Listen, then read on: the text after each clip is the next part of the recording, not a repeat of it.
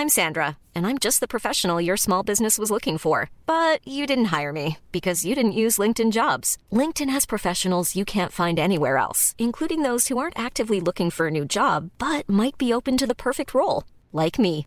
In a given month, over 70% of LinkedIn users don't visit other leading job sites. So if you're not looking on LinkedIn, you'll miss out on great candidates like Sandra. Start hiring professionals like a professional. Post your free job on linkedin.com/people today. There's never been a faster or easier way to start your weight loss journey than with PlushCare. PlushCare accepts most insurance plans and gives you online access to board-certified physicians who can prescribe FDA-approved weight loss medications like Wigovi and Zepbound for those who qualify.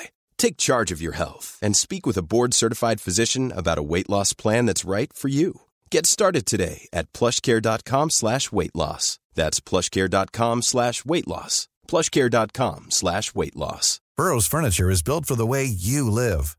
From ensuring easy assembly and disassembly to honoring highly requested new colors for their award-winning seating, they always have their customers in mind. Their modular seating is made out of durable materials to last and grow with you.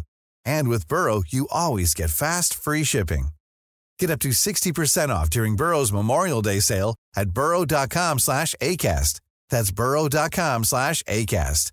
burrow.com slash ACAST. Tuttosvenskan presenteras av Unibet, stolt huvudsponsor till Allsvenskan och Superettan.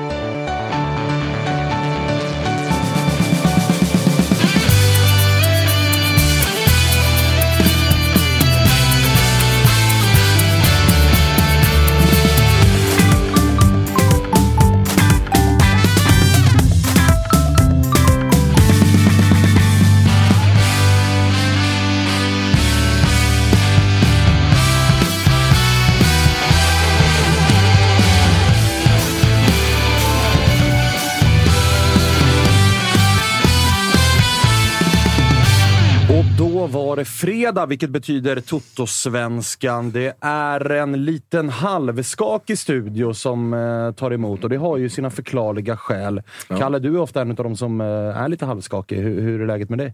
Jag, jag mår som en jävla prins. Jag var uppe tidigt. Jag åkte färja hit utifrån Utö i solskenet. Oj, jävlar. och, eh, ja, men du vet. En sån morgon som jag har en gång om året ungefär.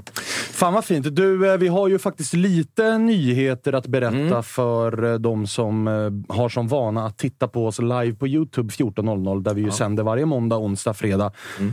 Men det kommer vi inte göra nästa vecka. Nej, det blir inget med det. Ingenting det blir, det blir poddsläpp vid den här tiden istället. Då är ju, ser planen ut va? Så ser planen ut. Det är faktiskt semestertider. Vi har liksom försökt att eh, lösa så att vi ska köra Youtube nästa vecka också. Vi har till slut nått en, en, eh, ett läge där vi var tvungna att steka de planerna. Så att nästa vecka bara podd. Och då är det ju Spotify och alla andra poddplattformar som gäller. Och det tror jag att chatten är rätt ledsna över. För att Jag det, ser- jag ser de är så av- satans taggade. Jag ser hur avgå-kommentarerna bara haglar in när vi droppar det här. Nu, så här, ja, Avgå, varannan skriver avgå, varannan skriver bara ju. Det är ungefär så chatten ser ut just nu. Så det kanske är lika bra att vi också tar en liten paus från chatten. Ja, jag, vi tror, kan behöva jag tror det. Jag tror det. Eh, idag ska vi i alla fall gnugga på. Vi har Robin tillbaks i Toto-svenskan. Hur är läget? Yes, det är bara bra. Eh, Det har varit en rolig vecka med mycket Europamatcher, så det, det känns kul att vara här. Du eh, håller ju på IFK Norrköping. Det sa vi när du gjorde din debut, men du, du kikar ju på all eh, svensk fotboll och sådär. Tanken idag är att du ska få vara lite balans. Ja, För ja, jag, härligt, jag och härligt. Freddy kommer vara odrägliga. Ja, ja men härligt. Ja, men det, det låter som en, en bra plan. Bra. Eh, Freddy, du, du, mår, du, mår, du mår. Alltså jag mår så jävla bra. man, man kommer till studion, det är åtta raka vinster. Alarma låste Spybar igår. Och vi slog ut Reka. Vad fan kan vara dåligt? Ja, Helt nej, det, det är, ingenting är dåligt, förutom din andedräkt. Ja, eh, eh, fan. Men jag jobbar ju ändå Pepsi Max och Pepsi Max Lime. Just nu. Men det var, det, det, var, det, var, det var en bra kväll för dig igår. Ja, ja. Fy fan vad kul det var. Och grejen är att vi satt ju här och surrade om Reka liksom. Jag tror jag sa att det var 70-30 Reka. Mm. Och att vi sitter här nu, eller vi, jag sitter här nu, ni sitter ju här med mig också. Ja. Och vi har slagit ut dem. Och det var ju liksom... Och ganska enkelt. Ja, exakt. Alltså, det var ingen nerv igår ens. Visst, de gjorde ju 1-0. Det vart avblåst för offside. Då var det lite så här, mm, det kan bli rätt tufft ikväll. Efter det, det var inga konstigheter. Vi tog ju tag i matchen, dansade in två baller i andra halvlek. Första halvlek var ju sådär, men alltså andra halvlek, det var inga nerver ens. Och det fortsätter ju vara liksom eh, dels att Hien får liksom ta nästa steg genom att också göra matchavgörande mål. Fortsätter vara en gigant där bak. Men det fortsätter ju vara så här, vi pratade om det i förra avsnittet, att det är ett Djurgården som det kvittar typ vem som spelar. Nu kom Banda in, ja, pang bom, mål 2-0 och så är butiken stängd. Det, det är sånt jävla stäm på Ja, ja. dina kära blåränder just nu. Nej, men alltså, det är här, alla som kommer in ska ju spela i startelvan i princip. Banda kommer in och gör mål. Vad, fan, han måste typ göra poäng nu var 50 minut. Jag tror att det var, var 70 minut innan Häcken. Fan, han- vad vad mot Häcken? Inte så jävla mycket. Igår, 30 minuter, kom in och gör mål direkt. Liksom. Det är det sjukaste jag varit med om i, i liksom, poängsnitt när det kommer i Djurgården. Och att han också så här, nöjer sig med att sitta... Alltså, det är klart han inte är nöjd på att sitta med bänken. Men att han är väldigt harmonisk med att vara den spelaren han är. Att han kommer in, får 30 minuter, får starta vissa matcher. Men han kommer in och levererar gång på gång på gång på gång. Och så här, målet han gör igår påminner ganska mycket när jag gör i Häcken också. Du vet, det. det är inte så här jättehårt skott, det är bara extremt väl placerat. Så fan, det är dags att flänga nu, Bosse.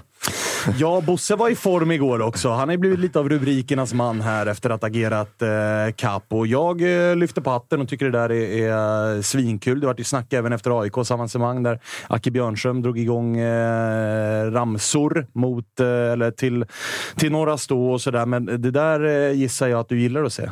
Nej, men det är ju lite så här att jag tycker också så här, där, där Djurgården är nu och tidigare Djurgården, det är att man, man, man är lite kaxiga. Liksom. Att så här, fan, det, det där hade typ inte Djurgården gjort för fem år sedan.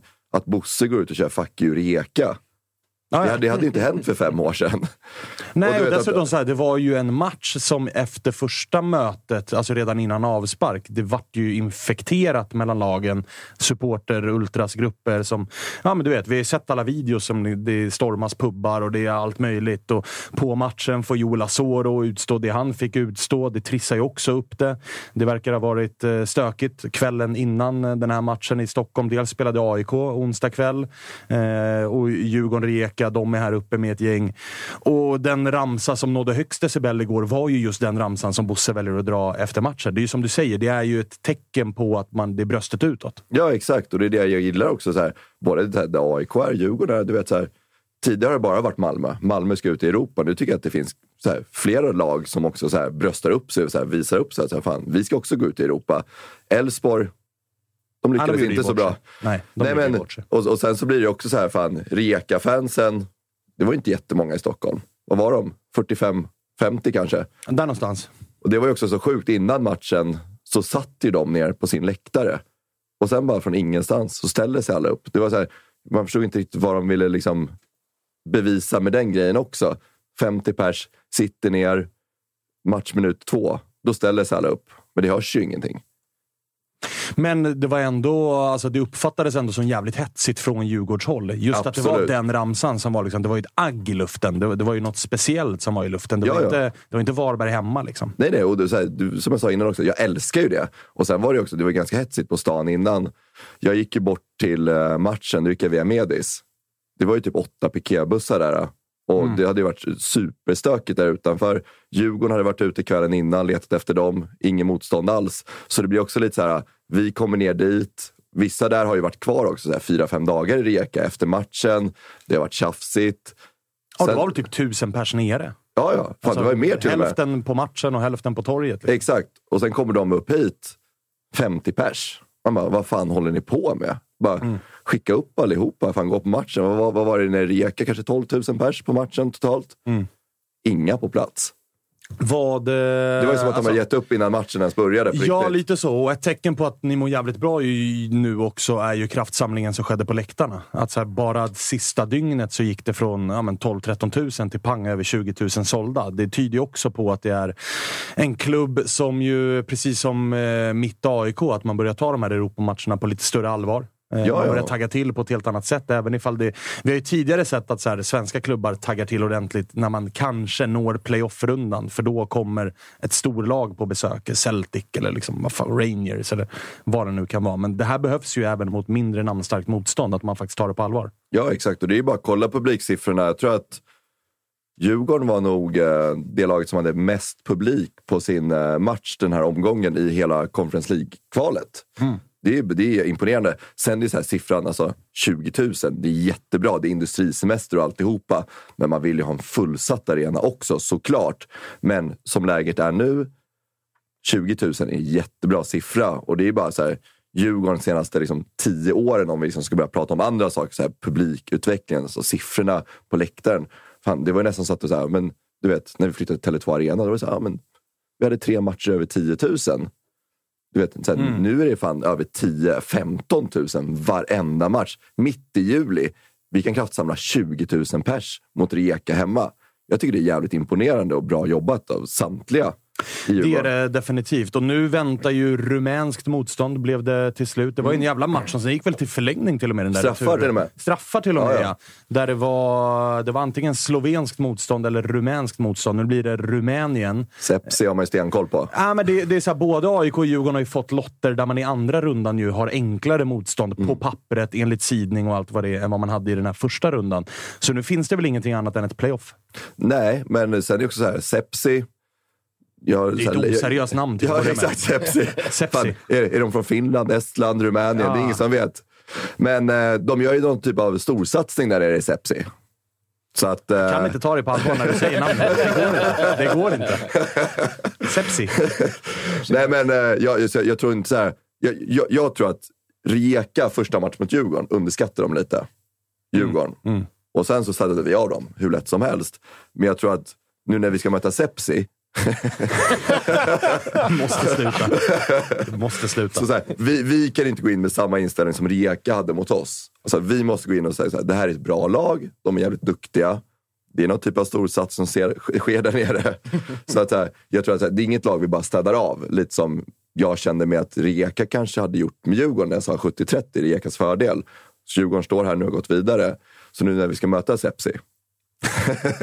så, Nej, men alltså, så, det man ska så ha med vi, vi sig ska här absolut också. inte underskatta Nej, och, och det, det man ska ha med sig här är ju att, jag väljer att kalla dem för rumänerna. Eh, de, de jublade väl garanterat över att det var Djurgården. Alltså, de har väl större respekt på pappret för Rijeka. Ja, 100%. än vad, Så att de tänker ju också att så här, "Oh, vilket drömläge för oss att gå till ett playoff. Och i playoff kan det ju bli vad fan som helst. Från Villarreal till West Ham till, till eh, gud vet vad. Men, men där, där kommer det ju bli tufft. Okay, ja, ifall de går dit då.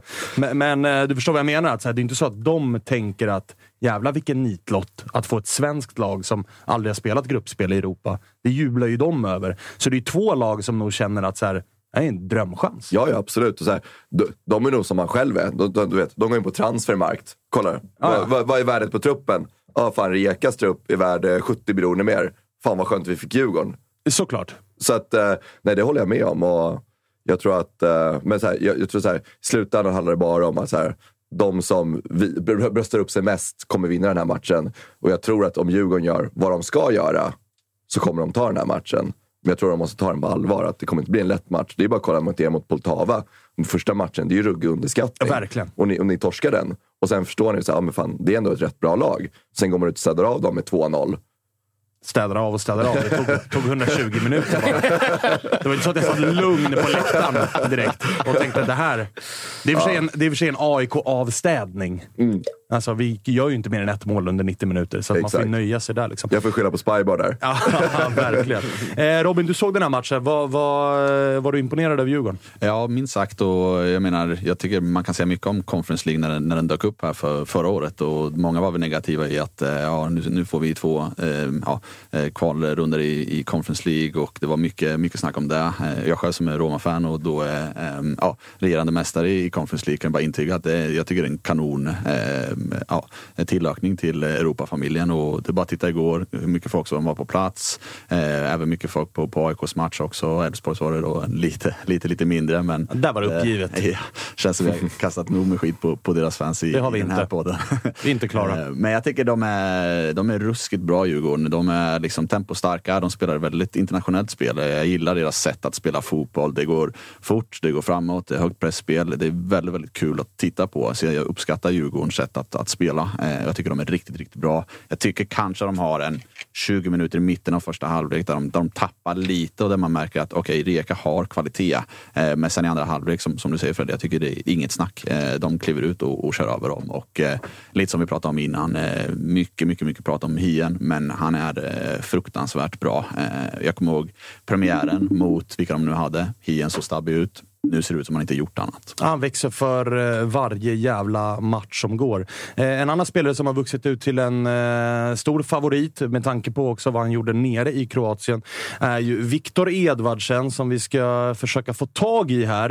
Eh, verkar vara någon vajsing på linan här, men vi testar igen och ser ifall han är, är med oss. Det är väl lite semestertider gissar jag nu, för det är spelledigt i helgen. Tjenare! Tjenare Viktor! Hur är läget? Fan, floppen Edvardsen är på plats. Hur, eh, hur mår du? Jag mår riktigt bra. Härligt, det, det förstår jag. Det är lite, lite ledigt nu, så att min första fråga är, blev det sent igår eller hur, hur firades avancemanget? Eh, nej, men eh, det blev sent. Bra. eh, var hemma vid fyra på natten kanske. Ja, men det är lagom. Freddy låste och larmade Spybar, men du gick lite tidigare i alla fall. Ja, jag gick, jag gick aldrig dit. Ah, okej, okej. Det blir för stökigt om man går dit. Men du, eh, det är inte bara du som mår bra. Det är laget och den klubben du spelar i mår ju, mår ju jävligt bra. Hur roligt är det med fotboll just nu? Eh,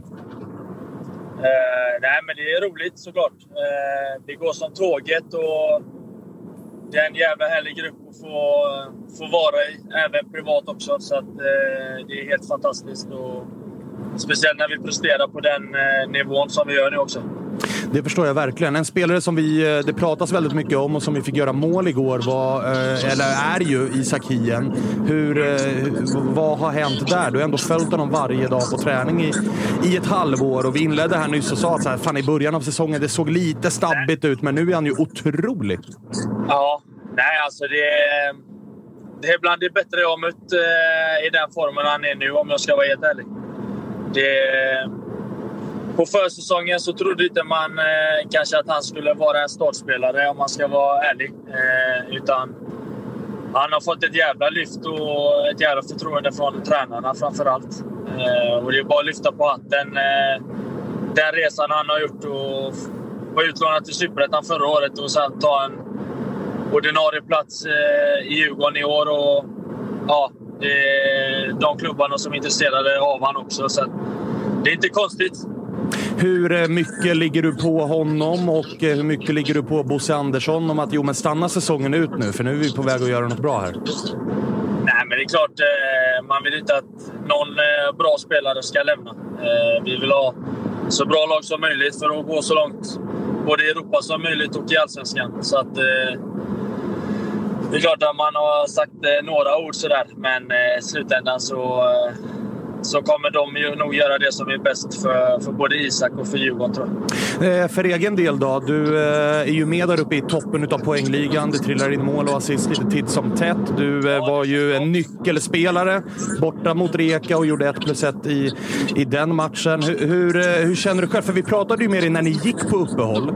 Då var du inne på att så här, fan, jag får lite för lite boll. Jag hade velat vara lite mer involverad. Och så nu efter uppehållet så tycker jag att det har hänt någonting. Du är mer involverad och hela den här grejen. Har ni skruvat på någonting eller, eller vad, vad är det som har gjort att, att poängen har börjat rassla in här nu?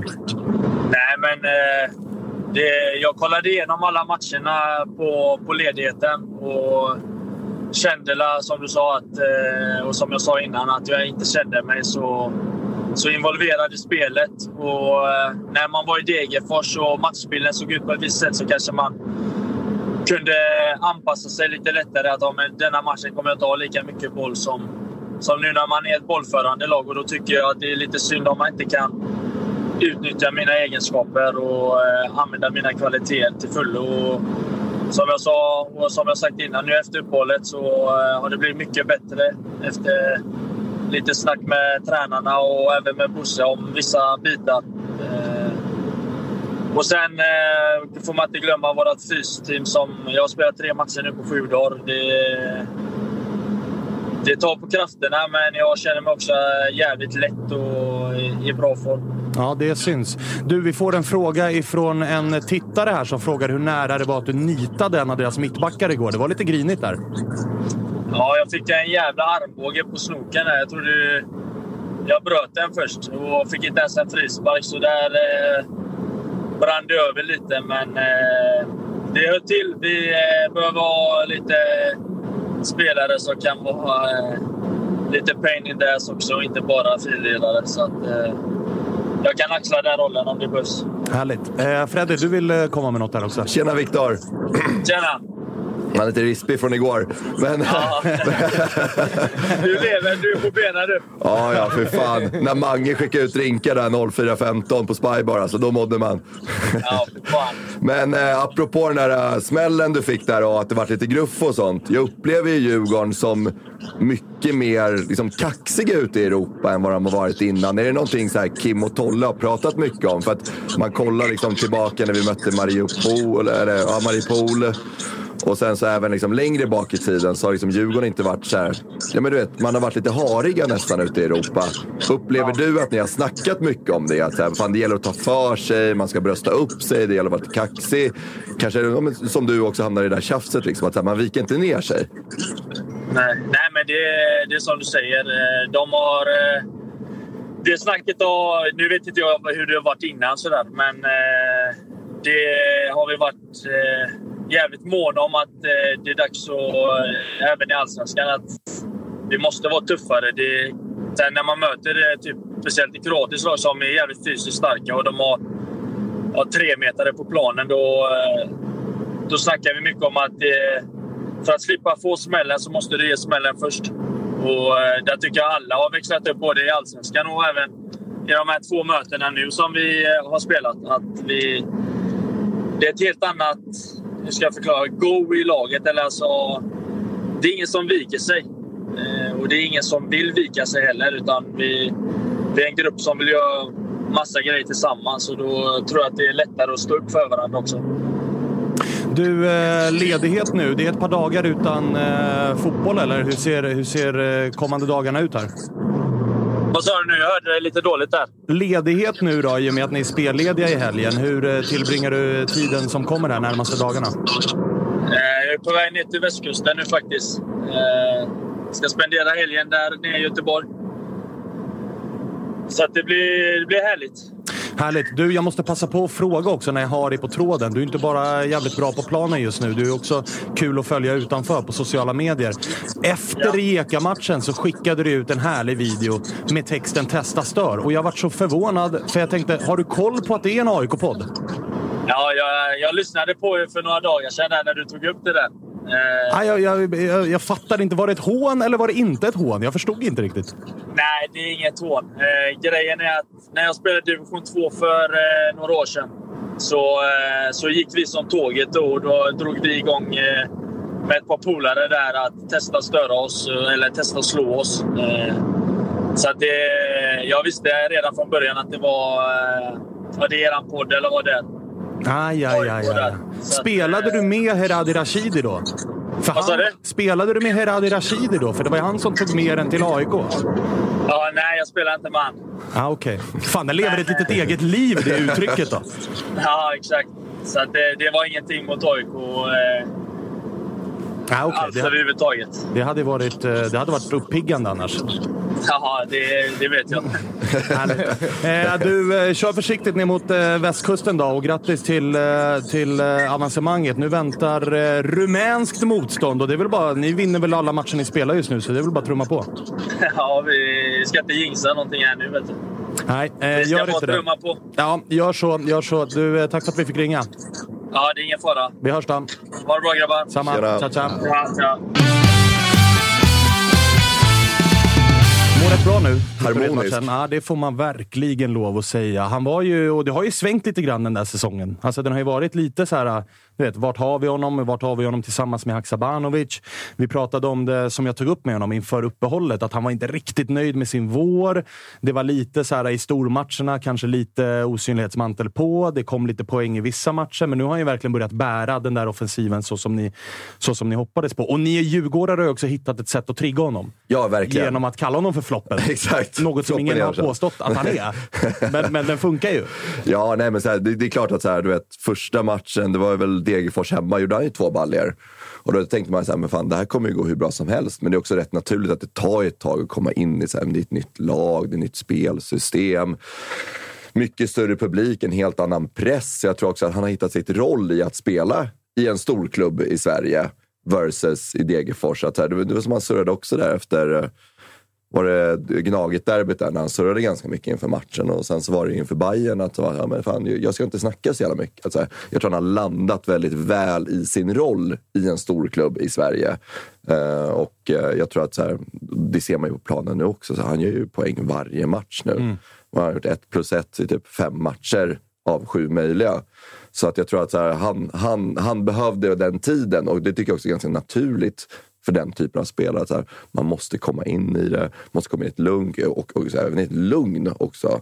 Så att, eh, så här, han upplevdes Ja. ju lite stressad i början av säsongen när Ja, ja. poängen inte kom in. Jag Ja, tycker men det finns man- en sekvens i, igår som säger rätt mycket om, om precis det ni pratar om egentligen. För att I början var det mycket prat om Flopp som sagt, han ska göra mål, han ska göra mål, han ska göra mål. Wikheim kommer in igår, han, han får bollen på vänsterkanten och ska dribbla fyra man och alla bara skriker passa, passa, passa. På något sätt kommer bollen fram till Edvardsen för att Wikheim snubblar. Vi, eh, Edvardsen har egentligen ett läge att skjuta. Men han är så pass bekväm just nu att han behöver inte skjuta utan han spelar nästan ett inåt bakåt till Banda som håller på att göra sitt andra mål. Och liksom för en, en supporter som, som inte supportar Djurgården så jag är extremt avundsjuk på att ha en sån som Edvardsen för han, han gör väldigt, väldigt mycket bra. Men han, det känns inte som han själv känner att jag måste alltid göra mål utan han har ändå ett öga åt äh, sina lagkamrater. Jag tycker han är en extremt oegoistisk forward. Jag tycker han är väldigt smart. Eh, och han är nummer nio, men inte en klassisk nummer nio. Men, men för det... Ja, mer modern. Precis, och han är väldigt, väldigt bra tycker jag. Jag tycker den sekvensen igår säger jättemycket. För han får ett läge att smacka till och liksom det är hemmaplan, mycket folk, man vill göra mål.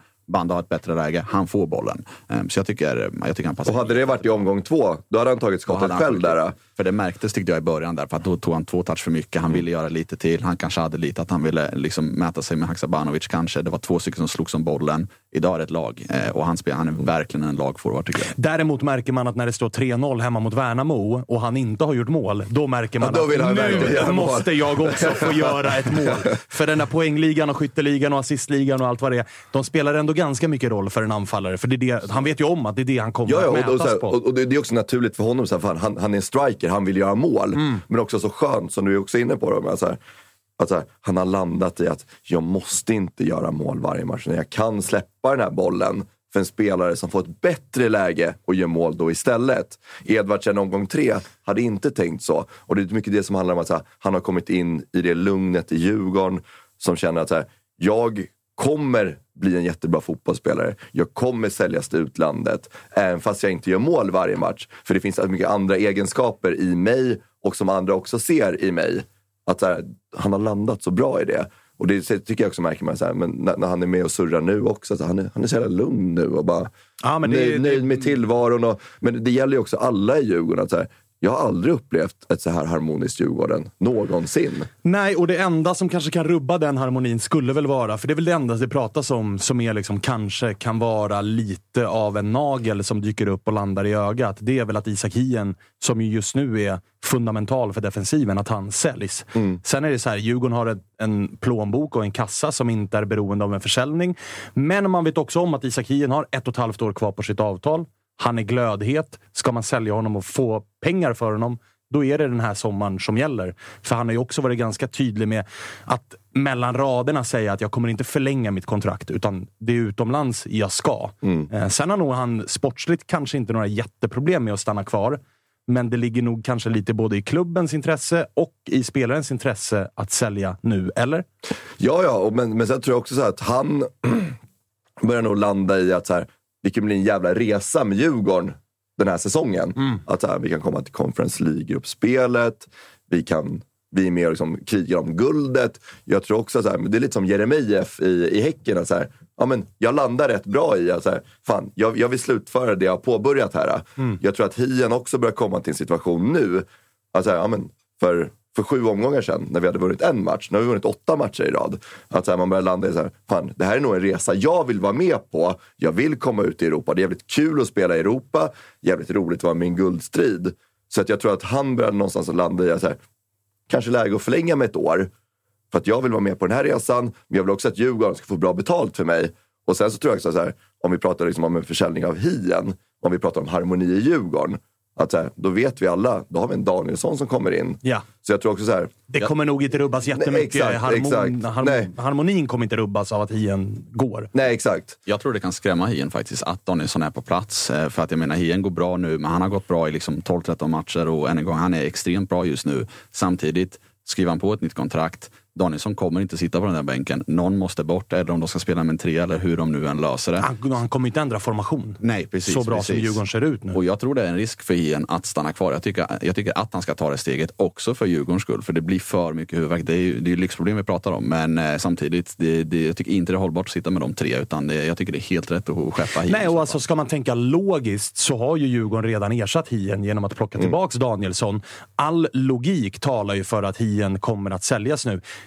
Eller så här, det går ju att argumentera för att det kanske är Ekdal som egentligen står näst på tur. Han har varit ordinarie i ett och ett halvt år och gjort det jättebra. Det är han det har pratats om i ett års tid, sen förra sommaren, att det är han som ska säljas.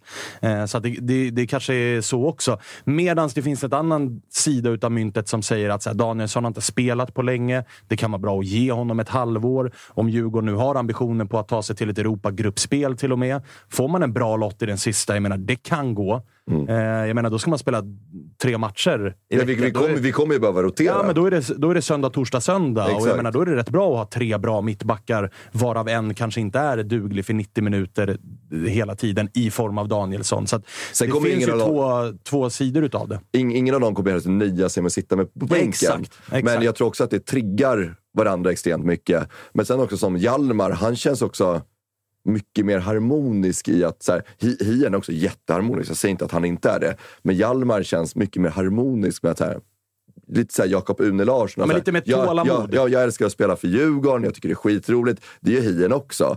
Men han känner inte så här, samma stress tror jag med att dra ut i Europa. Men jag tror också att han har landat i att så här, jag kommer komma ut i Europa. Om det blir i år, blir det i år. Nästa säsong, då blir det nästa säsong. Jag tror att Hien känner att så här, men nu har jag gjort, ska man vara helt ärlig, har Hien gjort 17 skitbra matcher för Djurgården. Hjalmar är uppe i 40-50 skitbra matcher för Ja. Djurgården. Så jag tror också att Hien känner att här, vad händer om jag skulle råka ut för en skada? Vad händer då? om jag petas nu? Ja, Vad händer om det är Danielsson Ekdal hela hösten? Det var ju som Edvardsson, han var ute bland annat i Vasalund förra året i Superettan. Mm.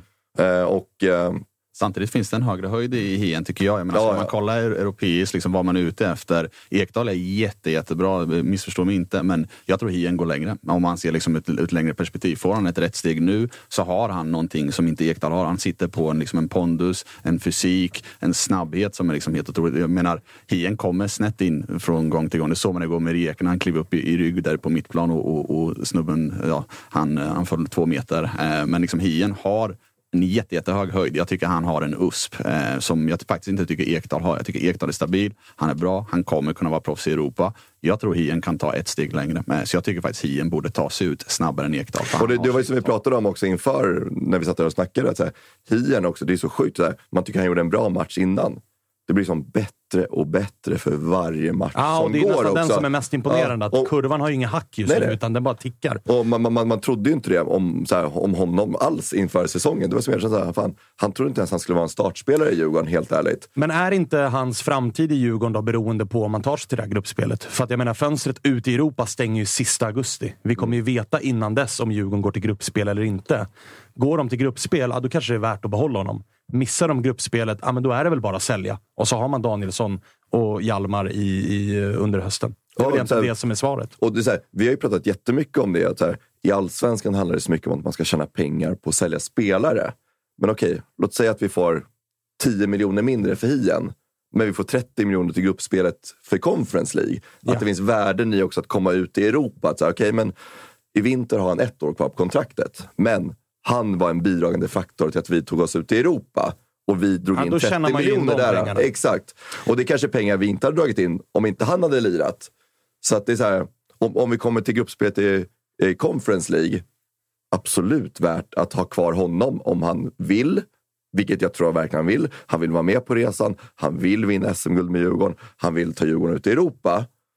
Alla dagar i veckan att jag tar 10 miljoner mindre för honom i vinter mot att vi får komma till Conference League-gruppspelet. Man får prispengar för varje match man vinner i Conference League. Vi får publikpengar för varje match.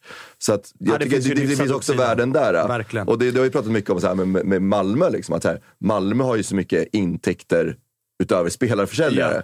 De är typ inga intäkter för Nej, sig, exakt, jag säga. exakt. Eh, Så är det ju inte riktigt. Jag skojade bara. Ta det lugnt i chatten, hela den grejen. Eh, hörni, det, det är inte bara Isak Hien och eh, Djurgården det går bra för. Nu ska vi prata Elfsborg. Nej, jag skojar.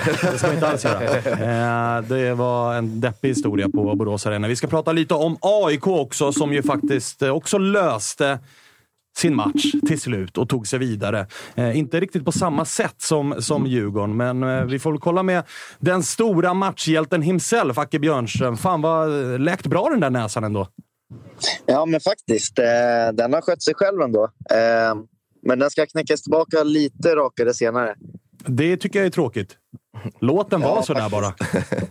Jag Ja, men gillade, den, jag gillade ju att du, att du sa det. Att så här, jag redan torskat en tand. Det är lika bra att köra näsan också. Det, det, det är nästan som att vi ringer ett NHL-proffs.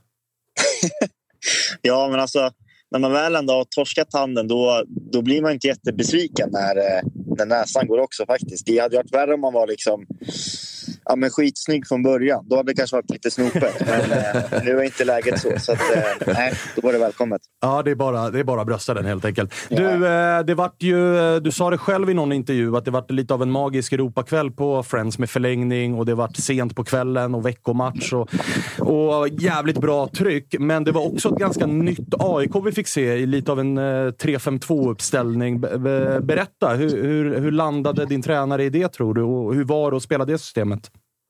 Ehm, nej, det var väldigt kul och det var...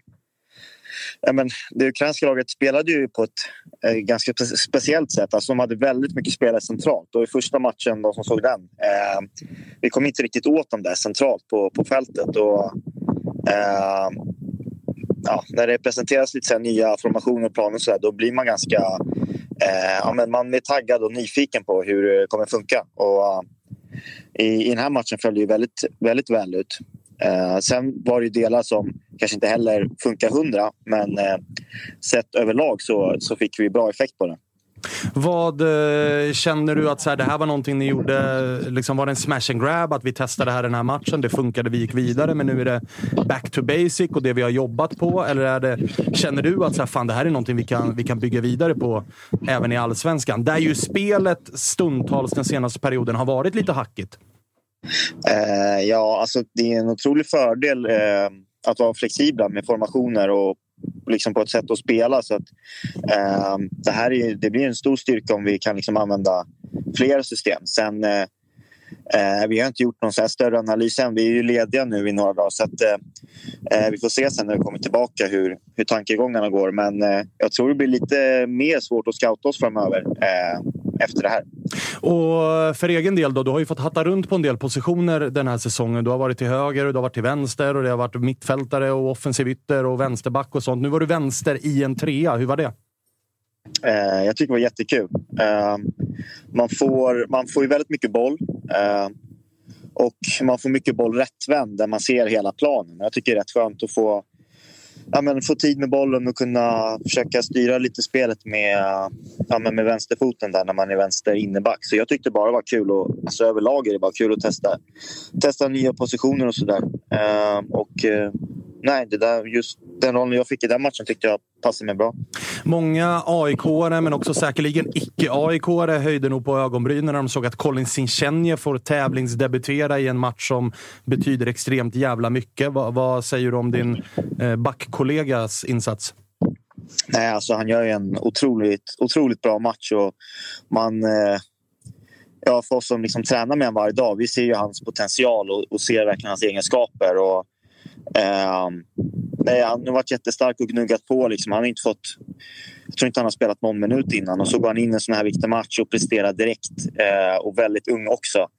Eh, så att, ehm, eh, jättekul för han och det är också ett styrkebesked eh, alltså för våran trupp att, jag menar, att alla kommer in och bidrar. Liksom. Eh, det, eh, ja, men det stärker truppen. Freddy är eh, både bakfull och djurgårdare, så du får ursäkta på förhand. Men han, han vill inte med någonting här. Acke, tjena. Eh, jag tänkte, eh, första matchen där mot Poltava. Eh, man vart ju lite chockad liksom, av så här, men, så här, utvecklingen av matchen. Och man har ju surrat lite med, med polare och sånt där om, om så här, er, er insats där. Var det lite underskattning i första matchen och sen så nu i andra att så här, men fan, nu har vi bra koll på dem. Vi vet att vi är ute i Europa. Nu gäller det att ta oss i kragen. För jag tycker att när ni väl tog er i kragen så var ni ändå någonstans det bättre laget. Men i första matchen så syntes inte riktigt det. Um, ja, alltså, alltså underskattning ska jag verkligen inte säga att det var. Uh, det, alltså, det är sällan man gör det på, på den här nivån, tycker jag, att man underskattar. Eh, fast ibland, ibland har man inte riktigt svaret på varför det går som det går. Men eh, dels att de spelar på ett annorlunda... Alltså vi, visst, vi hade gjort vår scouting på dem och så där innan. Men sen blir det någonting annat när man väl ska möta dem. Och de fick en bra start och det kanske satt sin prägel på matchen också. Och de fick självförtroende. Och, eh, jag har faktiskt inte så det direkta svaret på varför just den matchen gick dåligt. Men eh, i andra matchen så blev det ju på något sätt man var otroligt laddad och det är otroligt skönt att få liksom en revansch så snabbt sett in på efter. Det brukar inte vara att man möter samma lag två gånger på en vecka. Liksom. Men nu hade vi den möjligheten och det blir också ganska mycket lättare att analysera den matchen och vad man kan göra bättre. Eh, så det, ja, men att vi visste hur de spelade ännu mer plus att vi var ja, men extremt motiverade till att gå vidare gjorde väl att vi höjde oss rejält till den andra omgången. Det syntes att ni var, för det var elektriskt både på plan och läktaren, tycker i alla fall jag. Och det där målet du gör, det, det är ett av dina snyggare i karriären. Det är inget snack om att den bollen är inne. Det hackar lite här, men äh, ja, målet det var inte... Nej, jag har, jag har gjort snyggare. Är, är du säker på det? Jag, jag, jag tvivlar. Jag tyckte att det var ett otroligt underbart mål. Alltså jag, egentligen var jag faktiskt lite orolig att, alltså om jag skulle få det om det skulle bli självmål eller något. Men eh, officiellt så har jag väl fått det va? Ja, ja, ja, ja. herregud. Annars ja. löser vi det. Ja. Eh, och så lite härliga ramser och sådär på, på slutsignal. Det är också det är tacksamt att bara, att bara mata på nu. För nu, nu, nu är det ja. ett tåg som går. Det väntar Nordmakedonien här i nästa runda. Vad vet du om det? Uh, nej, ingenting faktiskt. Uh, nu, man har kopplat bort lite så efter matchen så när man, när man blivit ledig så, så försöker man inte tänka så mycket på, på det framöver. Men eh, vi ska ta oss, ta oss an den matchen. Vi går väl igenom dem säkert på måndag när vi är tillbaka. Men eh, det blir nog tufft. Det blir det. Och det blir väl mask på för din del nu? Eh, ja, precis. Jag ska väl knäcka tillbaka näsan på tisdag och så göra en mask då. Ehm, så det blir spännande hur det, kom, hur det kommer funka. Jag är lite orolig för att det här när man ska titta ner på bollen, att den ska vara lite i vägen. Um, så jag får liksom fila ner den så att den är riktigt uh, tight och, ja, och sitter på. Ja, ja, men det kommer ju se häftigt ut i alla fall. Ja, ja, det kommer jag göra. Eh, det ser jag ändå fram emot. Eh, hoppas du får beställa den i lite färger och, och göra den lite cool, liksom, så att det inte blir någon sån här röd variant. Nej, men det vore kul om man kunde ha någon, alltså typ AIK-emblemet på eller något. Alltså, lite som eh, hockeymålvakter gör med sina hjälmar. Ja, jag säger ju det. Gå all in NHL nu. Ja, det är bara att köra. Eh, du, eh, njut av eh, ledigheten då, så hörs vi lite mer framöver. Ja, tack. Ha det fint. Samma. Ciao.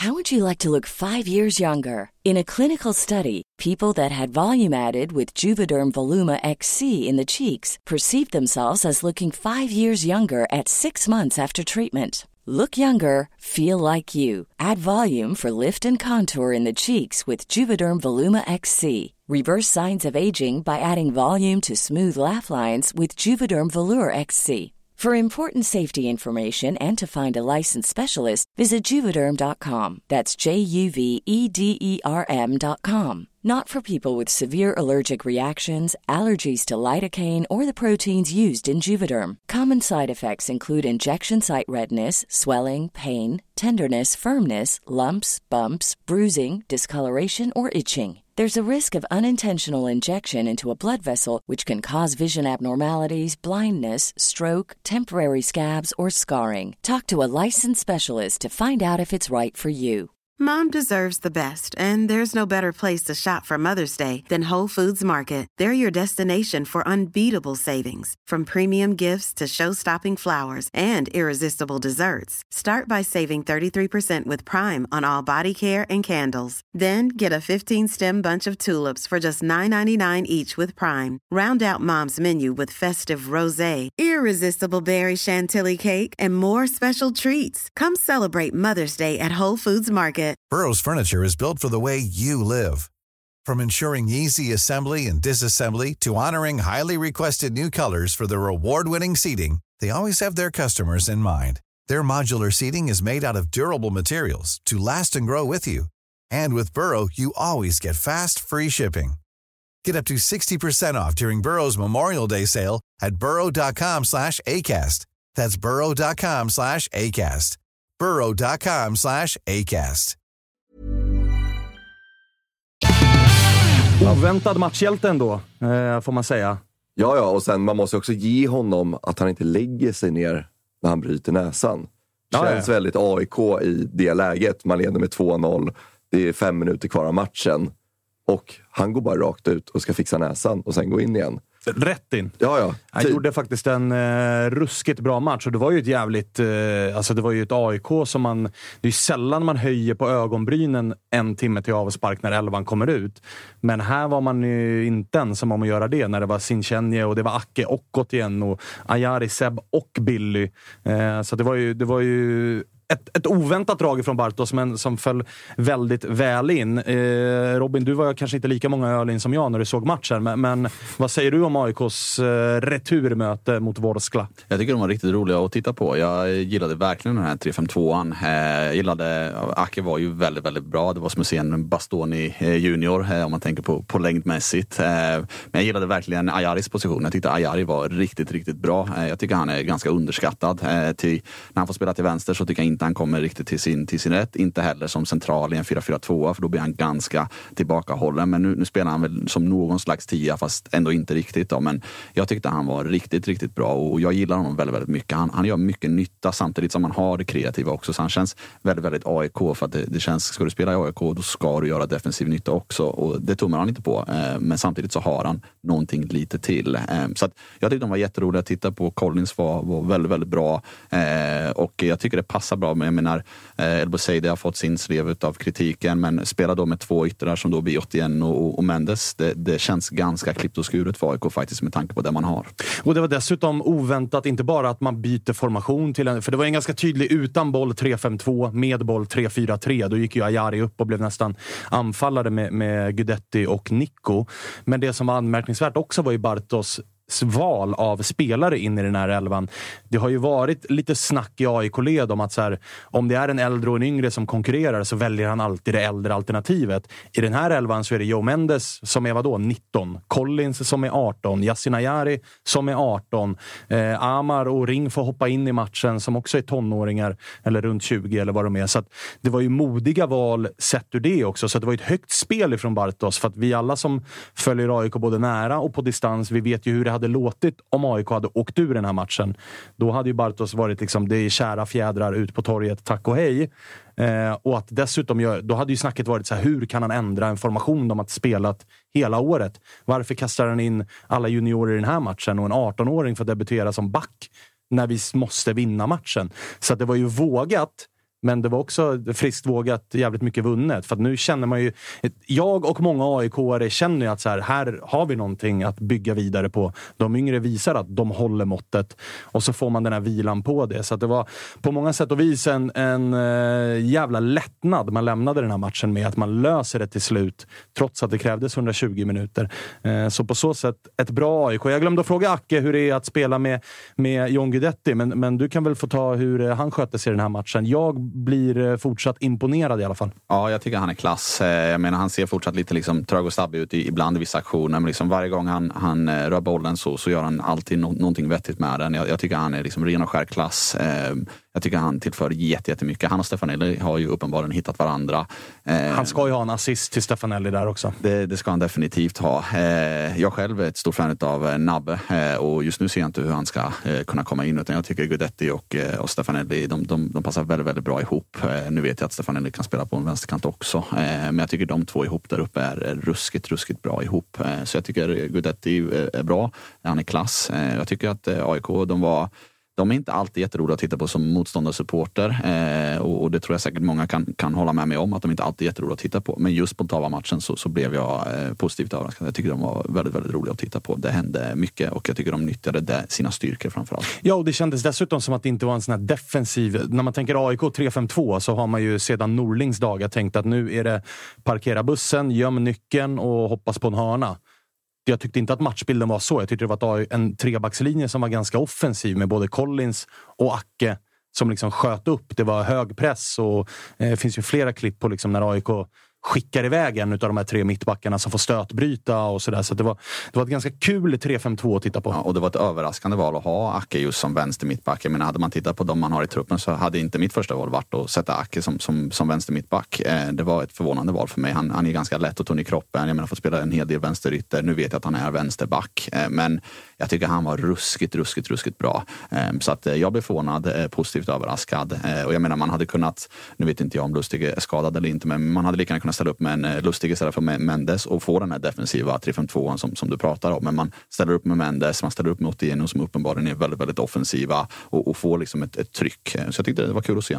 Det håller jag med om. För AIKs del så väntar ju nordmakedonskt motstånd i form av Skendia. Som inte Sepsi och spelar... Skendia.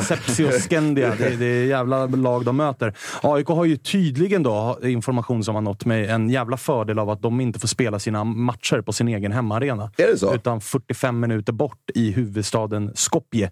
På nationalarenan. Fan smidigt för dig att dra ner då också.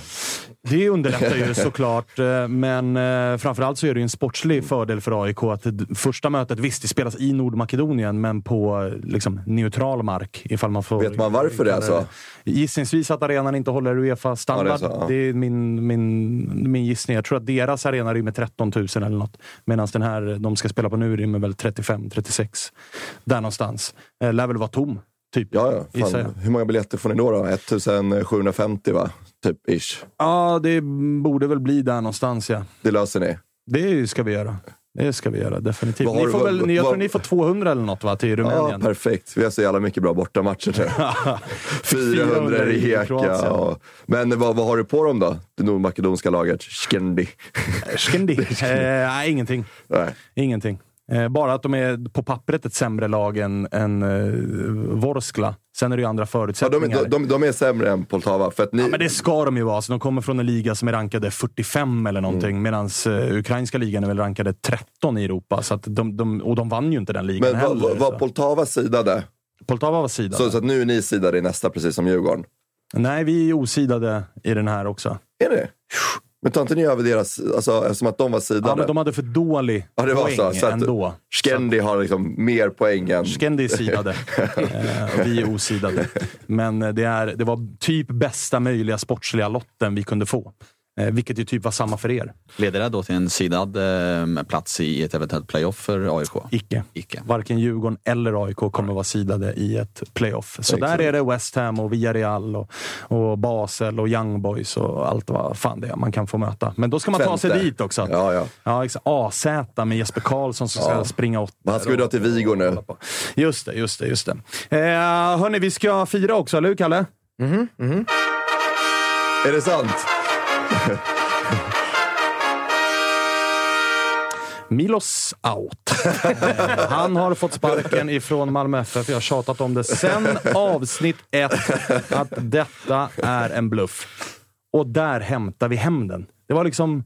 Jag har bara gått och väntat. Jag tror jag till och med sa det i förra avsnittet, Kalle, att om de ryker här, då är det bara för Milos att gå till kontoret med en kartong tömma och lämna. Och Känns det är precis så det har blivit. Men känns som att du har sagt det nästan varje gång Malmö ska spela. Att det är liksom så här, nästa match. Så. Ja. Och så har alltid Josip suttit och liksom, nej, nej, nej, nej han nej, åker nej. nej. istället. nej, exakt. Det, det, det, det, det, nej, det är Magnus Persson sitter och googlar nu. Hur söka jobb Malmö FF? Fan, har Daniel Andersson bytt nummer? Titta vem- Fan, han svarar ju inte. gör han? Det är så Men alltså- jävla märkligt. Milos. Nej, Sämre det är- karriär än MP i Malmö. Det är fan imponerande. Jo, och så kommer Josip när vi ringer honom nu säga så här, han vann en titel. Ja, okej, grattis till Men det. MP vann ju ändå allsvenskan Ja, med ja, det MFF. gjorde han verkligen. Men det här måste ju, vara, det måste ju ta priset. Jag tror det var någon som kollade att det är väl Malmös sämsta, näst sämsta Europainsats någonsin. Ja, exakt. De åkte väl mot något gäng från Litauen för bra jävla många år sedan. Som väl får klassas som... Eller det, det här var ju Litauen. Ja, det här var Litauen. Ja, det, det var något... eh, Kanske annat, Estland då? Ja, något annat baltiskt gäng tror jag. Vi får kolla, de- vi får kolla med Josip sen då. Han har ju koll på det här. Ja. Det här kommer ju aldrig Josip erkänna när vi väl ringer honom sen. Men eh, egentligen om man tittar på det ur, ur ett, ur ett större perspektiv så är det ju faktiskt roligare att eh, MFF går till Europa League. För att jag menar, det firas när de går till Champions League. Men sen så loggar man ju helt ärligt ut lite. För man vet att det blir 4-0, det blir 5-0. Det är inte skitkul att, att följa. Nej, det är ju turister i Ja, Champions man, man är glad första matchen och tänker det här ska bli kul att titta på. Så märker man efter tio att ja, det, vad är det här att titta på egentligen? Så att, att, att de, om de nu går vidare till Europa League, de har ju en bit kvar dit också, men ifall de skulle göra det, det är ju faktiskt lite roligare för alla inblandade. För att de, de har ju visat för att de har Ja, det är där. bara plånboken som kanske inte är lika skoj för. Och det, det har vi ju inget emot. Men det finns ju risk att de inte ens går till Conference League-gruppspelet. De Ja, det har är ju nu, om de, Exakt. förlorar, Ja. om de förlorar den här eh, i Europa League som kommer, då har går de direkt till playoff i Conference League. Och förlorar de den, då är de ju ute. Dem. Så de, de har ju en till eh, Livlina. livlina precis, och då är det en match som gäller, eller ett dubbelmöte. Då. Men vad, vad, vad tror du vi kostar, vad kostar det att sparka Milos? Det Ja, måste det är kosta en del. nog eh, dyrt. Vi ska kolla med Josip hur långt han skrev på och sådär. Ja, det måste ha varit tre, fyra år i alla fall. Ah, de brukar väl skriva Fem. korta kontrakt, Ja. för de vet ju om att de där tränarna håller ju inte särskilt länge i den där klubben. Men det här är ju någonstans en ny, ny nivå utav eh, kort tålamod. Med, med, Josip håller ju på att ringa Åge Hareide nu. Hallå ja. Har vi honom ja, Josip Fan vad fint att ha dig här. Hur mår du Ja, Josip? detsamma. Hur mår du? Jag mår bra. Jag mår bra. Nyhetsmässigt skitbra. Eh, supportermässigt sådär. Du, eh, du var ju på plats. Vi pratades ju vid inför i onsdags, du och jag. Ja. Och då var det, det var såklart liksom bröstet ut. Och vi, har, eh, liksom, det, vi pratar om den där kulturen ni har och vilka spelare ni har och sådär. Men vad fan hände om vi börjar matchen? Ja du, eh, vad fan hände? Nej men det som de, som de sa efter matchen att Malmö förlorade mot ett bättre lag över 180 minuter. Eh, och sen råkade, råkade det bättre laget vara ett gäng litauiska semiproffs. Eh, men sett över, över två matcher så absolut rättvist att Malmö åker ur. Eh, det hände egentligen ingenting.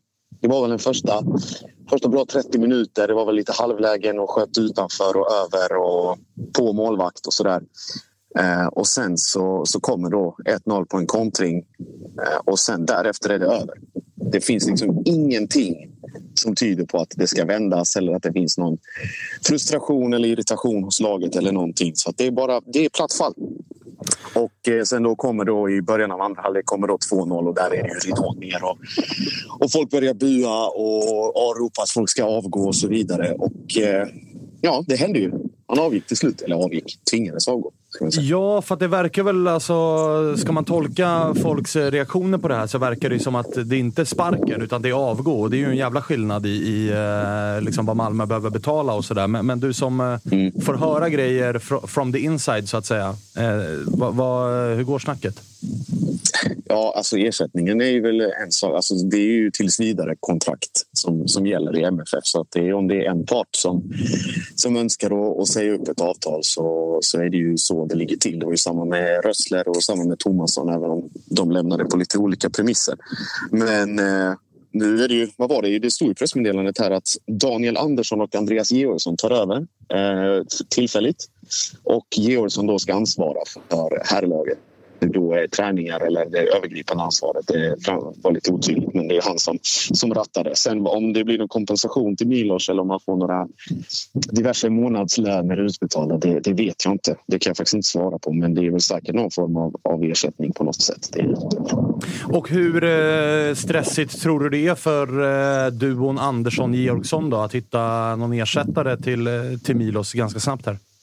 Ja, det är rätt stressigt skulle jag säga. Alltså det är ju tajmingen är ju både ideal och helt värdelös för den här typen av grejer. Och det är väl att man underskattar det, väl, som vi har varit inne på i tidigare avsnitt även om jag har försvarat Milos väldigt hårt och vidhåller fortfarande att det hade kunnat bli väldigt bra om allting hade, hade stämt från början med, med skadefritt och rätt spelare vid rätt tillfälle och sådana där saker. Men det är rätt stressigt. Alltså det är ändå, det är ändå Europa League-kval Eh, snart blir Sirius på, på torsdag eller på söndag och sen match, eller torsdag, söndag. Sen är det väl alltså den här, de här två kvalomgångarna ska man väl klara men jag tror att man har när hösten drar igång liksom på riktigt, riktigt i, i augusti, september då har man nog en lösning på plats. Men att det behöver ringas fort som satan, det behöver det nog. Vem, eh, vem tror du första samtalet går till? Jag ser att vissa i chatten är inne på att Ole Gunnar Solskär bör vara prio ett. Ja, det, om det tvistade lärde.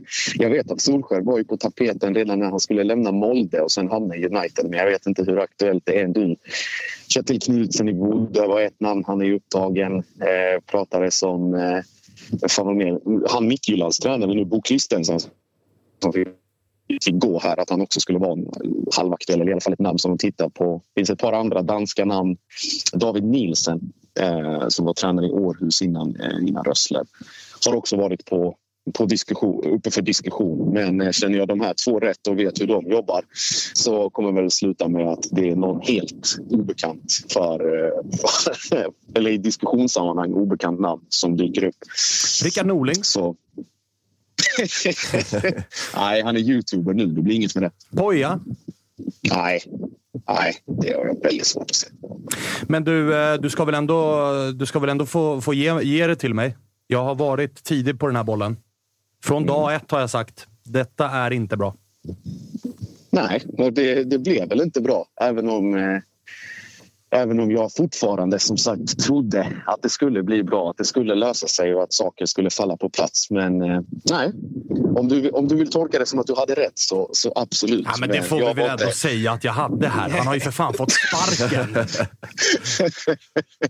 ja, nej, det är lika mycket. Alltså, ja, den sportsliga prestationen är en sak och, och, att han inte får med sig gruppen och, och, hela den diskussionen. Men det här är lika mycket ett underbetyg till den sportsliga ledningen. Det, det ska inte behöva se ut så här år efter år att det går så pass kort tid mellan tränarrekryteringen och vem det är som, som anställer och vem som gör vad och, och hur den processen ser ut och de här intervjuerna och allt vad man pratar om. Det, jag tror det finns flera uppe på kontoret som behöver se, behöver se sig mer än en gång i spegeln och faktiskt fundera på vad de själva har för ansvar och, och roll i att det ser ut som det gör. För att hur man än vänder och vrider på det. Vissa vill ju få det till ett så här monumentalfiasko att det är en sån omsättning av, av tränare. Och den enda som egentligen inte vann en titel. Det är väl Ove Rössler, men han tog oss också från tionde, elfte plats till en tredje, tog oss vidare i Europa League. Med allt vad det innebar, även om det innebar att låsa in folk på toaletten ibland. Men titlar har ju kommit om det är cupguld eller om det är SM-guld eller någonting. Så den långsiktiga prestationen har väl varit sådär och då är det ju bedömning som görs efter varje säsong. Så att, jag vet inte. Men är det, för det där är ju faktiskt en intressant diskussion som vissa stunder håller sandlådenivå och vissa stunder eh, kanske kan vara ganska intressant att föra ändå med tanke på det vi är inne på. Alltså eran tränaromsättning. För det är också lite så här, ni vinner absolut allsvenskan liksom sju av de tio senaste åren. Ni är där ni är rent liksom Europamässigt. Ni har spelat Champions League och ni har spelat Europa League och allt vad det är. Medan så här, för jag kan tänka mig att som Malmö-supporter brottas man lite med att vi hade kunnat vara ännu bättre om vi också hade satt en tränare som liksom, du förstår vad jag menar? Att så här, det finns ju ännu mer. Ni vinner ju guldet i år, men ni vinner ju på målskillnad mot ett AIK som man nästan aldrig under hela säsongen berömde. ni borde ha vunnit serien med, med 15 pinnar och kanske borde ha gått längre i Europa ifall man hade också varit bättre på att sätta tränarna. För tränarna de flyger ju på löpande band alltså. Ja, jo, jo, du har ju vissa poänger i det. Alltså sen hypotetiska diskussioner om man ska vinna med 15 eller 20 poäng. Alltså allsvenskan är alldeles för, för både bra och dålig för att något lag ska kunna springa iväg med den marginalen. Men det är, det är en sidodiskussion. Grejen här är ju att i så fall att alltså, vad man letar efter för egenskaper eller karaktär. Men det beror ju också väldigt mycket på att den här gruppen spelare är också liksom väldigt satt i sten och har varit det länge och att de har väldigt mycket att säga till om. Och in, alltså att man lyssnar väldigt mycket på dem även från, från liksom ledningshåll också. Så det, kan gå, det kan ju svänga väldigt fort. Det kan ju vara att även om man vinner guld så är spelarna kanske missnöjda med träningsbelastning eller med taktiskt upplägg eller vad det nu än är. Att de inte får in att de inte maxar sina egna prestationer i förhållande till taktiken och så vidare. Så det är nog en, en, en, fråga eller ett svar som där många eh, är li, egentligen medskyldiga men det är alltid lättast att peka på tränaren för att han är liksom... Det, det har varit en position som du säger, att det har varit en det har varit stor ruljans. Och om man kan fortsätta peka på det och istället för att peka på sig själv så kommer man nog att, att göra det. Men att, att det är ett problem, det är ju helt onekligen så. Jag tycker han, eller en, Henrik Sjöström som tidigare varit i, just i, i, tutto på, i Tuttosvenskan. Han har ju en, han är en väldigt intressant eh, utläggning kring det här på Svenska fans. Så att, vill man ha den vinkeln och läsa på lite mer så tycker jag absolut att man ska läsa. Det är läsvärt. Vad har du själv för eh, drömnamn in då? Det har ju också viskats om så Henrik Rydström. Alltså en del av kritiken har ju varit att spelet ser för jävligt ut.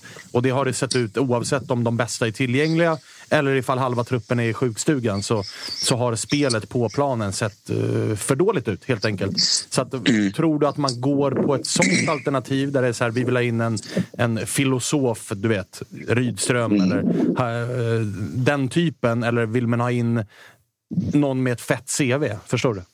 Ja, Malmö, Malmö gör ju som Malmö alltid gör i de här sammanhangen. När det blåser så går man på namn i versaler. Eh, så att det är väl nog det man kommer titta på. Någon, någon som, som kommer in till de här spelarna bara genom sin pondus och sin närvaro utan att behöva flexa sitt CV och säga att nu är det jag som bestämmer. Eh, och eh, få med sig gruppen på det sättet. Jag kommer ihåg att det var, vad var det, när Rössler kom. Det tog tio dagar och sen såg Malmö FF ut som ett helt nytt lag och sparkade sönder Sirius på bortaplan med 5-0. Eh, så det, det, är väl, det är väl en, en ganska enkel men ändå relativt effektiv modell som man skulle kunna gå tillbaka till. Sen beror det på vad det är för upplägg om, om den här, det här namnet, vem det nu är som kommer in, att det blir sex månader eller ett år eller någonting. Det kommer ju hända väldigt mycket i truppen också redan i vinter så att det är väl jag tror att man både, om vi ska gå tillbaka till är man stressad eller inte? Ja, man är stressad men samtidigt det finns tillräckligt med kompetens i, i liksom den befintliga staben och i klubben i största allmänhet för att kunna rida ut en, en höst för att då kunna gå all in i vinter. Freddy? Josip, tjena. Ja. Ja. Eh, jag tänker lite så här, um, så här kan, kan inte också så här, lite Malmös akilleshäl vara så att de är så pass framgångsrika som de är? Och så här, går det bra i Malmö, man vinner SM-guld, man går till Champions League. Att då ser tränarna Malmö som en språngbräda för att komma till större klubbar i Europa. Och går det dåligt, då får man gå. Att, så här, vi, vi pratar liksom att så här, det cirkulerar mycket tränare i Malmö. Att, så här, går det otroligt bra för Malmö, Du är också tränare, otroligt attraktiv. Och då går man utomlands. Och går det inte alls bra, då får man sparken från Malmö. Alltså det, det, det, det är också det som är så lite akilleshälen för att Malmö är en så framgångsrik klubb. Men också att så här, tränarna ser det som en språngbräda för att också gå ut till Europa och funkar det inte alls, då får man gå. Det är också det som är mm. problemet. Att så här, då, då, är det svårt att behålla en tränare som, ja, men som Kim och Tolle har varit i Djurgården i fyra år. Liksom. Det, har, det har mm. inte funkat i Malmö om man liksom gått... Ja, då knackar Bundesliga på dörren. Ja, men så här, man vinner allsvenskan, man går till Champions League. Då, blir det så här, då, kommer, då kommer större uppdrag. Ja, jag vet inte. Alltså, det finns, en, det finns poänger där. Jag vet inte om jag skulle kalla det akilleshäl utan det är snarare en realitet som alla är medvetna om. Alltså det här, den här tiden om att Malmö ska sitta med samma tränare i fyra, fem säsonger, den är ju över sen Hareide. Liksom. Det, det, det är ju vad det är. Men att alla... Alltså, även om du har, säg att du är uppvuxen i MFF och gått igenom akademin och kärlek till klubben och allt vad det där är så ser du ju fortfarande MFF som en språngbräda för någonting, någonting större. Det är ju liksom, det är gäller ju spelarna och tränarna lika mycket oavsett vad. Sen såklart, alltså, kolla på vad Tomasson hamnade efter, efter Malmö gick till en av de mest klassiska klubbarna i hela liksom, engelska ligasystemet på det sättet. Men jag vet inte. Akilleshäl, ja, snarare en, en verklighet som man kanske måste förhålla sig till lite bättre än vad man har gjort. I så fall, om jag får tolka den frågan så. Men du, eh, hade du något drömnamn då? Nej, inte på rak arm. Faktiskt inte. Vad hade du sagt Jag kan, jag, jag, jag kan inte komma på någon. Vad sa du? Ole Gunnar är väl realistiskt, eller? Är det inte? Ja, alltså ingenting i den här branschen är orealistiskt på något sätt. Eh, sen är Ole Gunnar, ja, varför inte? Det är, väl, det är väl mer bara att man tänker på vad han gjorde i, i United och det är väl lite större egon i den, det omklädningsrummet än vad det är i Malmö FF. Men eh, på tal likväl om, så, eh, ja, alltså man kan säkert slå ett samtal. Det finns en agent där som, om man fortfarande har samma, som har goda relationer med Malmö FF sedan tidigare. Så att det är väl inget, inget långskott i det avseendet. Han har ju dessutom varit, varit ledig ett tag så säkert sugen på att testa någonting. På tal om stora Egon då. Det vart ju också inte bara ett uttåg för Malmö FF, utan eh, AC sköt han ut sig själv härifrån. Liksom, är det läge nu att bara släppa honom? När man ändå byter tränare. Han är skadad titt som tätt. Han är mest gri- Han har ju inte... Sen det där jävla, eh, vart det nu var, landet som han fick sitt feta anbud ifrån. Sen det nekades så har han ju inte varit lika bra igen. Nej, ja, det nej, det, det, det stämmer ju på ett sätt. Sen är det också så att han är lika mycket en tillgång när, när han är på rätt sida den här hetsgränsen som han kan vara en belastning som vi såg senast. Men där var det ju bara liksom ren, ren, öppen och tydlig frustration för att alla visste att det redan hade gått åt helvete. Så jag skulle inte lägga så stor vikt vid just det röda kortet mot Žalgiris. Men samtidigt att han behöver kliva fram och kliva liksom, upp i prestationen, Det är ju ofrånkomligt. Det är väl bara, det är väl bara att titta på vad han gjorde mot Sirius och det är kanske hans bästa match han har gjort på, på år och dag. Eh, när han har sett att det går inte att lalla längre nu när Zeidan är i den formen han är och kommer in och är hungrig och visar upp sig. Sen såklart, ny tränare, eller nu även om det är Georgsson, alla börjar väl lite halvblankt. Så att det blir väl intressant att se hur de formerar här i, i nästa match och, och vem som, om man går på form eller taktik eller vad fan man nu än gör. Det, de kommer behöva prata ihop sig, helt klart. Men eh, ja, vi får se. Är du eh, som eh, supporter till Malmö FF lite halvstressad också? Jag ser att vissa är så här, Åh, det är räkmacka in i Europa League och vi ligger tre poäng ifrån serieledningen. Ja, det var också räkmacka till nästa runda i Champions League. Det vart 0-3. Alltså, är du med? Nej. Hur, hur känner Ja, du inför ja, resten av alltså, säsongen? som, som jag sa till, till August, alla vi är fett äkta vet att Europa League är alltid mycket fetare än CL. så är sen, det. sen, sen är ju helt... Alltså jag är ju... Jag tror Malmö hade rykt till 110 procent mot Bodö i nästa runda. Så det har blivit Conference League garanterat oavsett så. Men eh, nu har man... Alltså, Eh, nytt, nytt, nya röster, nytt blod på ett sätt också. Eh, lite, alltså, så här, man släpper lite och går vidare och tänker inte på det som har varit så har man nog bra förutsättningar för att ta sig in via de här Luxemburg det här Luxemburg-motståndet förlorade med 4-1 mot ett lag från Armenien som till och med ska vara sämre än, än Žalgiris. Så ja, jag, jag sitter rätt lugnt. Det, det är för långt kvar för att dra i någon panikknapp skulle jag säga. Omgång, däremot omgång 2021 och det fortfarande ser knas ut, ja, då är det bara att glömma. Men du har ändå sneglat mot knappen. Du har tittat lite på den. Du vet vart den är. Liksom. Förlåt, vad sa du? Jag har sneglat på... eh, Panikknappen. Du, du, du har ju tittat på den. Du är medveten om att den finns där Nej, inom det- en armlängds avstånd. Ja, det, som jag, det som jag sagt innan, det, panikknappen är, finns i, alltid i det undermedvetna hos alla MFF-supportrar. Sen är det bara, vissa har längre bort till den, vissa har lite närmare. Men den finns. Okej, härligt. Du, eh, fint att vi fick ringa dig i alla fall. Det var vi tvungna att göra Alltid. när det kom eh, lite breaking-grejer. Och du var ju med och breakade det, så att hatten av till det. Tackar, tackar. Du fortsätter att eh, ta steg på... Du, du, Topp tre nu. jag, jag kämpar på. Topp tre. Topp tre säger att du är på, på Silly-fronten. Händer det något, händer det något mer Silly, eller har du några eh, grejer på gång här? Eh, nej, just nu det är det är rätt lugnt. Eh, det kan däremot hända, hända mer i allsvenskan eh, idag. Jaså?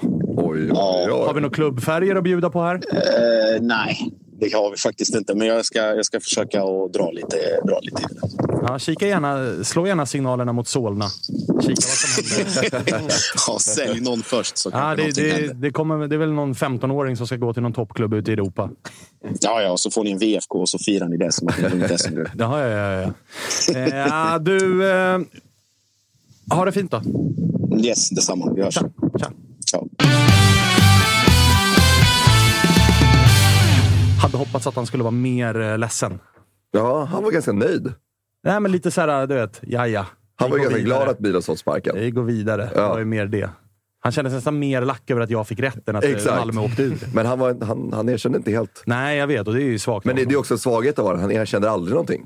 Han säger, han säger ju alltid så här, ja du har delvis rätt. Men sen kommer en harang om en annan vinkel. Du har en poäng. Du, eh, en annan klubb då som eh, har det lite kämpigt just nu är ju eh, Peking som vi faktiskt kan ägna en liten tanke åt här. Nu åkte de på det igen mot Blåvitt, såg bra ut Absolut. spelmässigt och sådär. Men på tränarfronten, inget nytt. Nej, de gick ut med det som Tapper sa här i senast där att eh, de kommer in, kanske inte presentera, men det kommer vara klart i mitten på augusti säger de, eh, men det kommer troligtvis inte kunna presenteras då. Så att det blir väl någon som har något nuvarande jobb i, i så fall eh, och det blir väl Islänningen är väl där man, eh, man gissar och tror på. Eh, Från Breidablick, eller vad de heter. Det var något sånt. Ja. Eh, inte jättesåld på det, men det är väl mer bara för okunskap. Man har ingen aning. Eh, men eh, kanske inte där man, eller jag hade hoppats på i alla fall. Eh, Och då är ju känslan att man mer eller mindre vaskar ju resten av den här säsongen. Om man plockar en gubbe som ska komma inför nästa säsong. Då får väl de här två köra säsongen ut. Man vet om att man inte kommer åka ut och, och allt vad det är. Men jag menar en torsk här nu mot Blåvitt i returmötet på Gamla Ullevi. Då börjar det väl ändå bli lite jävla stressigt ändå. Ja, eh, min sambo är IFK Göteborg-fan också, så det blev att man flyttar ut efter två raka torsk mot, ett- mot ett sånt skitgäng. rätt i. Eh, Så eh, ja, när du frågade om jag skulle vara med i dagens podd så var det enda jag hoppades på att ring inte BB-grabbarna för att när, när jag lyssnar på dem så blir jag så sjukt äggad. Men det ska de ha cred för att de, att de lyckas ägga igång igen. Men vi var bättre, men samtidigt vi förlorade, så då kan man inte säga någonting. Så jag är inte så stort fan av att sitta och, och, och beklaga mig över förluster. Förlorar man så förlorar man, då får man skylla sig själv lite. Eh, vi behöver panga in några bollar. Eh, det var länge sedan vi gjorde mål. Eh, det var länge sedan vi vann eh, sju, åtta matcher. Eh, vi behöver få in bollen. Eh, förhoppningsvis kommer en dominoeffekt eh, för att det finns saker där. Eh, det gäller bara, bara att få in den, men det är inte så bara. Men eh, det blir Men, vad har hänt med Totte Nyman? Liksom? Han är iskall just nu. Han har varit Ruggigt varm förra året. Ja, ja, han har inte alls varit sig likt. Eh, Nu med, med eh, Gudjonsen som kom in, han såg, han såg rätt intressant ut. Han var stor, stark, eh, stabil. Det pratas om att de eventuellt ska spelas i, ihop. Eh, så det, det hade kunnat vara någonting. Eh, så ah, det är oerhört frustrerat i, i måndags där när, man, när matchen var klar. Man, man är knappt arg, man bara sitter och... och man Uppgiven. Ja, exakt. Inget hopp kvar. Så att, det är trist, för man mentalt checkar ut lite också. Eh, man, man förväntar sig bara det, det värsta hela tiden. Vi lider med det. Vi alla har ju varit där. Ja, exakt. och det är ingen jävla rolig känsla. Nej, alltså. nej. Man lever på hoppet. Ja, ja, ja, definitivt. Och när det är dött, då är det fan kämpigt. Men du, vi pratade om det med Tapper också. Alltså, den här lösningen, om det nu blir så att man signar en tränare som ska komma i vinter, två stycken ass får ratta resten av den här säsongen. Signalerna det skickar mot de bärande spelarna som är i klubben nu, som sitter på utgående kontrakt eller som har lite större ambitioner. Då tänker jag på Jonathan Levi, jag tänker på Totte Nyman, jag tänker på Linus Wahlqvist. Är du rädd att de spelarna ska bara, okej om det är den vägen ni vill gå och inte ens göra någonting åt den här säsongen, då jag drar. Säger Levi. Jag förlänger inte mitt kontrakt, säger Totte. Precis. Nej, Levi har väl mer eller mindre räknat bort. Han är väldigt öppen och, och liksom härlig med det på ett härligt sätt. Även om man inte vill att han ska lämna. Men han är ändå väldigt, väldigt rak, väldigt ärlig. Säger att jag, jag ringer min agent rätt ofta för att kolla läget, sa han till NT, Norrköpings Tidning, för, för inte alls många dagar sedan. Så att han är öppen och ärlig. Det kan jag ändå på något sätt uppskatta. Man, man är så trött på det här att eh, jag är här och trogen och så två dagar senare står de med en ny tröja som de pussar på. Så att jag, jag kan ändå uppskatta att han är så pass ärlig. Hade du kunnat se honom gå till en annan allsvensk klubb? Nej, det hade svidit. Eh, Och nu har han sagt nej till de här israeliska klubbarna som vi pratade om senast. Så det har han varit uppe med att han har sagt nej till också. Jag tror inte han går till en annan allsvensk klubb, men, men samtidigt man vet aldrig. Eh, Wahlqvist eh, tror jag kommer försvinna, även om det är nu eller i vinter. Han, han är trots allt bara 25 år. Eh, Totte tror jag inte riktigt kan välja och vraka efter den här säsongen. Så det, han är väl där man har lite, lite mer hopp på att han, att han stannar. Han är några år äldre än, än, än Wahlqvist också. Eh, så att, eh, ja, jag tror vi tappar två av tre. Två av Nämnda- tre? Nämnda. Ja, okej. Men, eh, Totte kvar. Förhoppningsvis. Vad, vad, vad är liksom knäcka nöten inför nästa säsong då egentligen? För att ni har ju en jävligt... Så här, koll, kollar man på startelvan, det är bra gubbar. Precis. Sen är det ju liksom att ja, byta bänken det är svårt att förändra matchbilden med den avbytarbänken. Så är det. Jag skulle säga ryggrad. Jag skulle säga målvakt, mittback, mm. mittfältare som kan försvara. Så försvar, försvar, försvar egentligen. För det finns mycket, liksom, mycket framåt, mycket liksom manpower där framme. Eh, Arnor ska vara kvar tills mitten på, på juni, slutet på, på juni. Där, till att börja med. Till att börja med, precis. Eh, och det är försvar. Eh, vi har saknat en sköld sen Erik Smith försvann eh, när han var utlånad till oss och, och försvann därifrån. Sen dess har vi inte haft en defensiv sköld eh, på, på innermittfältet och, och vi är för ihåliga. Wahlqvist är grym, men inte som eh, mittback i en fyra. Anton Eriksson tycker jag kommit in och varit bra, men än en gång, han är bra med boll. Hur pass bra försvarare är han? Eh, inte riktigt vill uttala mig och säga att han är bra där än. Eh, så ibland kan vi lite, lite, lite, lite trött på den här Norrköpingssjukan i att ja, han kan passa, men då värvar vi in honom. Eh, att det måste också finnas något slags försvarstänk i, våra försvarsspelare, men också vissa av våra mittfältare. Så att jag gillar det jag ser från Anton Eriksson, men jag är ändå inte helt, helt, helt såld. Sitter du också, jag har sett att, eller noterat att vissa IFK Norrköping-supportrar är inne på att vi måste ha en ny målvakt. Isak Pettersson står utan kontrakt. Nu stod Oskar Jansson för en ny tavla senast tillsammans med Linus Wahlqvist visserligen, men den landar ju också på Oskar Janssons konto. Och det är ju en del som har varit så här, det är för svagt. Han räddar för lite. Eh, det är för lätt att göra mål på oss och det gäller inte bara försvarsspelet utan också målvaktsfrågan. Delar du den eller hur, hur känner ja, du? Jag är nog hans största motståndare om jag ska vara helt oh, ärlig. Eh, jag, jag, är inget större fan utav, utav Oscar. Eh, säkert jättetrevlig person och så, men som spelare jag har jag inte mycket över för honom. Eh, man blir frustrerad som, som supporter när man sitter på sidan och släpper in bollar och reser sig upp och klappar igång händerna och säger kom igen nu, nu kör vi igen. Och på något sätt vill man någon gång se bara ett raseriutbrott i att vad håller vi på med helt enkelt. Men det, det blir på något sätt äggande som supporter att se. Han, han verkar extremt positiv på planen, vilket såklart säkert uppskattas av många. Men efter ja, sju, åtta matcher utan vinst där man släpper in enkla bollar i titt som tätt, då vill man ha ett raseriutbrott. Men det får man inte. Eh, så att jag skulle vara eh, så glad om, om, om man lyckas hitta någon annan där. Eh, samtidigt så tror jag man kommer sitta kvar med honom säsongen ut. Kalle, det är ju en jävla intressant allsvensk helg. Till att börja mm. med så är det helt jävla underbart att vi äntligen ska få en tabell där alla har spelat lika många matcher. Bara en sån sak är ju, är ju underbart. Men vi har två matcher som sticker ut lite grann mm. intressemässigt. I alla fall för mig. Ja. Jag tänker faktiskt inte på Giffarna Varberg, även om den är spännande för bottenstriden. Men, mm. men mm. Elfsborg och Häcken ska möta varandra och så kamratderby-returen eh, nere på din kust. Ja, men precis. Och jag har kikat lite på oddsen hos Unibet. Jag slås av att eh, Elfsborg är favorittippade i mötet mot Häcken, där Häcken ger tre gånger pengarna kontra Elfsborgs 2,25. Det Ja, jag vet inte. Vad säger ni om det? Vad säger du om det, Freddy? Elfsborg favoriter. Mm, mot Häcken hemma, va? Mm. Det är ju faktiskt jättemärkligt att mm. de är så pass... För fan, de har ju varit så jävla dåliga nu senast också, Elfsborg. Jag tror ja. att Häcken historiskt, ja. Elfsborg borta, har haft jättesvårt. Jag tror ja, det, är väl, det är väl det som det um, ligger på. Men hur, hur lirar Häcken också? Det är säkert ingen av er som har koll på det, liksom. men har de problem på plastgräs också kanske? De verkar väl inte ha problem någon jävla stans? Nej, bara mot Djurgården. Ja. Djurgården hemma. Ja, då har de problem. Ja. Åtta raka mot dem där. Just det, fick du det sagt också. Exakt. Mycket åtta raka. ja. Ja, Nej, men det, är faktiskt, det är faktiskt märkligt att Elfsborg är så pass... V vad hade vi odds på Häcken då? Det är, det är ju tre Tre i odds. Det är ganska högt. Ja, det är bara att hämta in pengarna där då. Jag tror det. Och sen eh, har vi ju då kamratmötet som du sa. Där är det ju super, super jämnt. Det är 2,58 Blåvitt vinst, eh, 2,75 Norrköping vinst, oavgjort 3,65. Eh, ja, över 2,5, under 2,5. Det är 1,85, 1,95. Det är inte en jävel som vet hur det här kommer gå. Med andra ord. Um, men det som, det som jag tyckte stickte, sticker ut där i bottenstriden, som jag sa, det var ändå att Giffarna-Varberg då, så ligger Giffarna på 2,65, Varberg på 2,75. Alltså nu är ju Varberg klappkassen, men Giffarna är ju extremt svaga, så jag vet inte fan om inte jag hade gått in och satt mina pengar på Varberg där. För jag är över 18 år och jag har inte problem med spel, för då går jag in på stödlinjen.se istället. Fan, har man en fin dubbel där, Häcken borta, Sund, Giffarna hemma? Ja. Kanske det. Kan kanske, det. kanske det. Giffarna som ju också nu eh, skickar sin tränare. Nu är det, det är den tiden på året där eh, tränare får eh, dojan, där det fortfarande finns tid att rädda den här säsongen. För det är ju halva kvar mer eller mindre. Vad, vad behöver Giffarna? Är det Lasse Lagerbäck som ska in och, och rädda det där? Det hade varit riktigt, riktigt Lasse och Svennis. Ja. Svennis till Malmö. Lasse till eh, Giffen. Sen Nord, kör vi. Norling har ju en historia i Giffarna om, om man ska hoppa på det, men jag har svårt, svårt att se det. Eh, men eh, Eh, Eh, eh, jag tror faktiskt att eh, Giffarna kommer eh, eventuellt kunna, kunna slå Varberg. Jag skulle inte alls bli förvånad över det. Eh, jag tycker inte det är så mörkt hos Giffarna ändå. Jag tycker de har lite glimtar av, av, av mycket. Sen är de ju inte bra, det, det ska man inte sitta och säga. Men jag tycker ändå det finns något, något slags ljus i, i det mörkret. Jag tycker Pontus Engblom är eh, klass. Eh, och har man en sån klassanfallare, det är få förunnat i, i en bottenstrid. Eh, han, är, eh, han, han är överlägsen i det här laget. Han är riktigt, riktigt bra tycker jag. Frågan är hur mycket de grämer sig över den där Linus Hallenius-skadan. Alltså hade de haft Hallenius och Pontus Engblom det hade kunnat, och med tanke på hur det har sett ut i bottenstriden hittills den här säsongen. De hade nog kunnat lösa både en, två, tre och fem poäng till. Och då hade det varit ganska fin distans helt plötsligt. Så det, och det, Linnér, alltså på riktigt.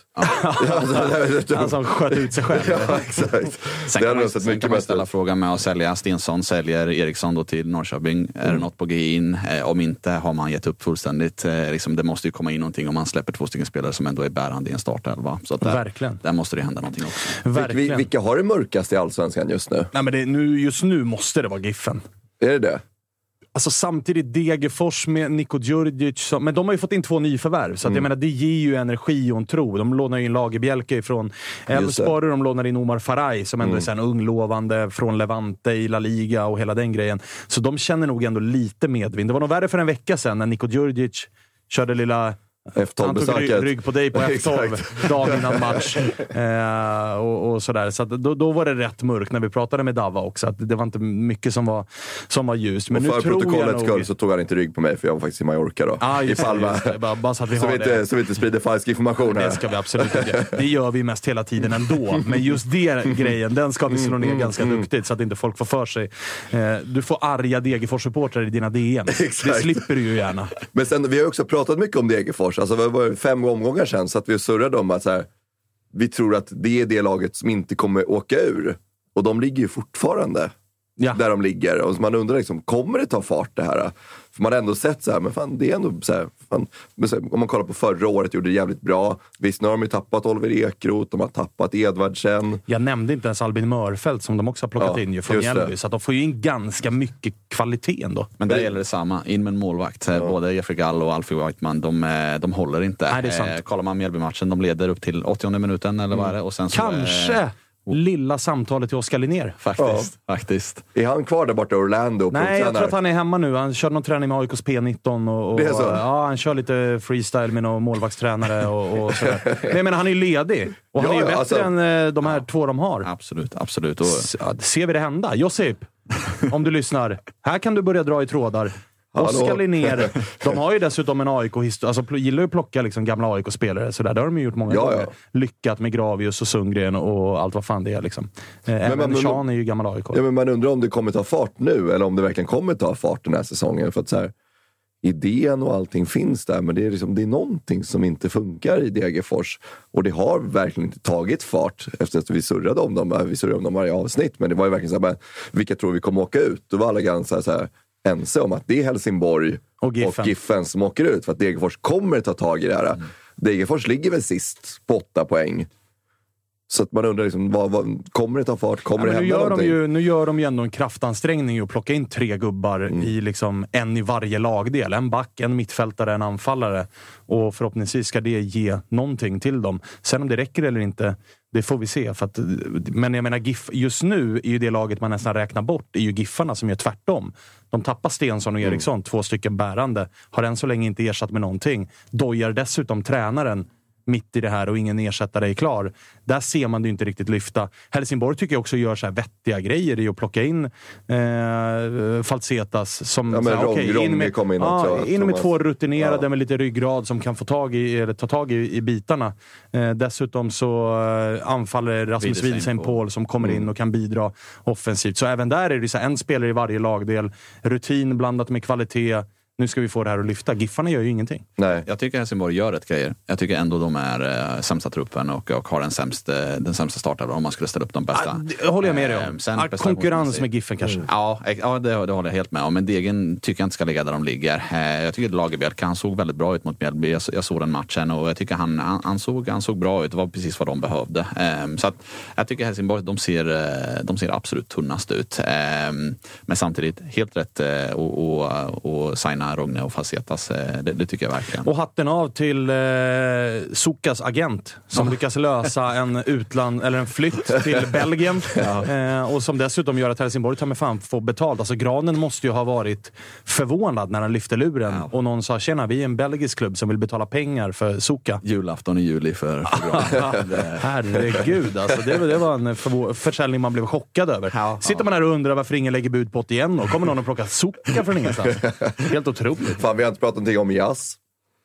Jo, det gjorde vi, ja, vi gjorde det i måndags. Ja. Eller i onsdags, eller vad fan det var. Ja. En halvtimme. Det, men där, det är värt att lyfta på den också. Fortsatta problem där. Ja, det, det får man lov att säga. Nu kommer det ju bli... Det som är jobbiga med den nu är att det kommer ju bli en försäljning, vilket någonstans ger Jehas rätt. Att så här, den aktionen funkade ju. För nu... Det är bara att kolla på Amo, samma sak. Träningsvägrar, blir såld till FCK. Krim Rapti. Ja. Samma sak. Ja, ja, så det finns ju historik i att de här grejerna funkar, vilket ju är för jävligt. Att så här, när du väl känner att nu vill jag dra, en klubb mm. kommer och lägger ett bud, klubben vill inte ta det budet. Ja, men då sätter jag mig på tvären då, som mm. spelare. Och så tappar man några miljoner på det också. För att så här, klubben som vill köpa Jas vet ju situationen som han är i. Och att Bayern vill ju bara casha in. Alltså, det finns inte en chans när han kommer sitta av sitt tvåårskontrakt. Nej. Alltså det, det, och det finns ju ingen chans, för, för Bayern vill ju ha, de vill ha pengar. Även om de i, i, i grund och botten vill ha mer pengar, så vill ju de heller inte betala lön till en spelare som i två år vägrar spela fotboll. På, liksom. på ett sätt väldigt befriande om någon klubb skulle vilja göra det. Ja. Okej, okay, du gör det där. Vi kommer inte sälja dig. Du får sitta här nu i två år. Vet du vem som har gjort det? Jocke Persson med Tashreeq Matthews. Där är det liksom, du har ett år kvar på ditt kontrakt. Du, det kommer bud. Mm. Vi säger nej. Vi vill ha mer.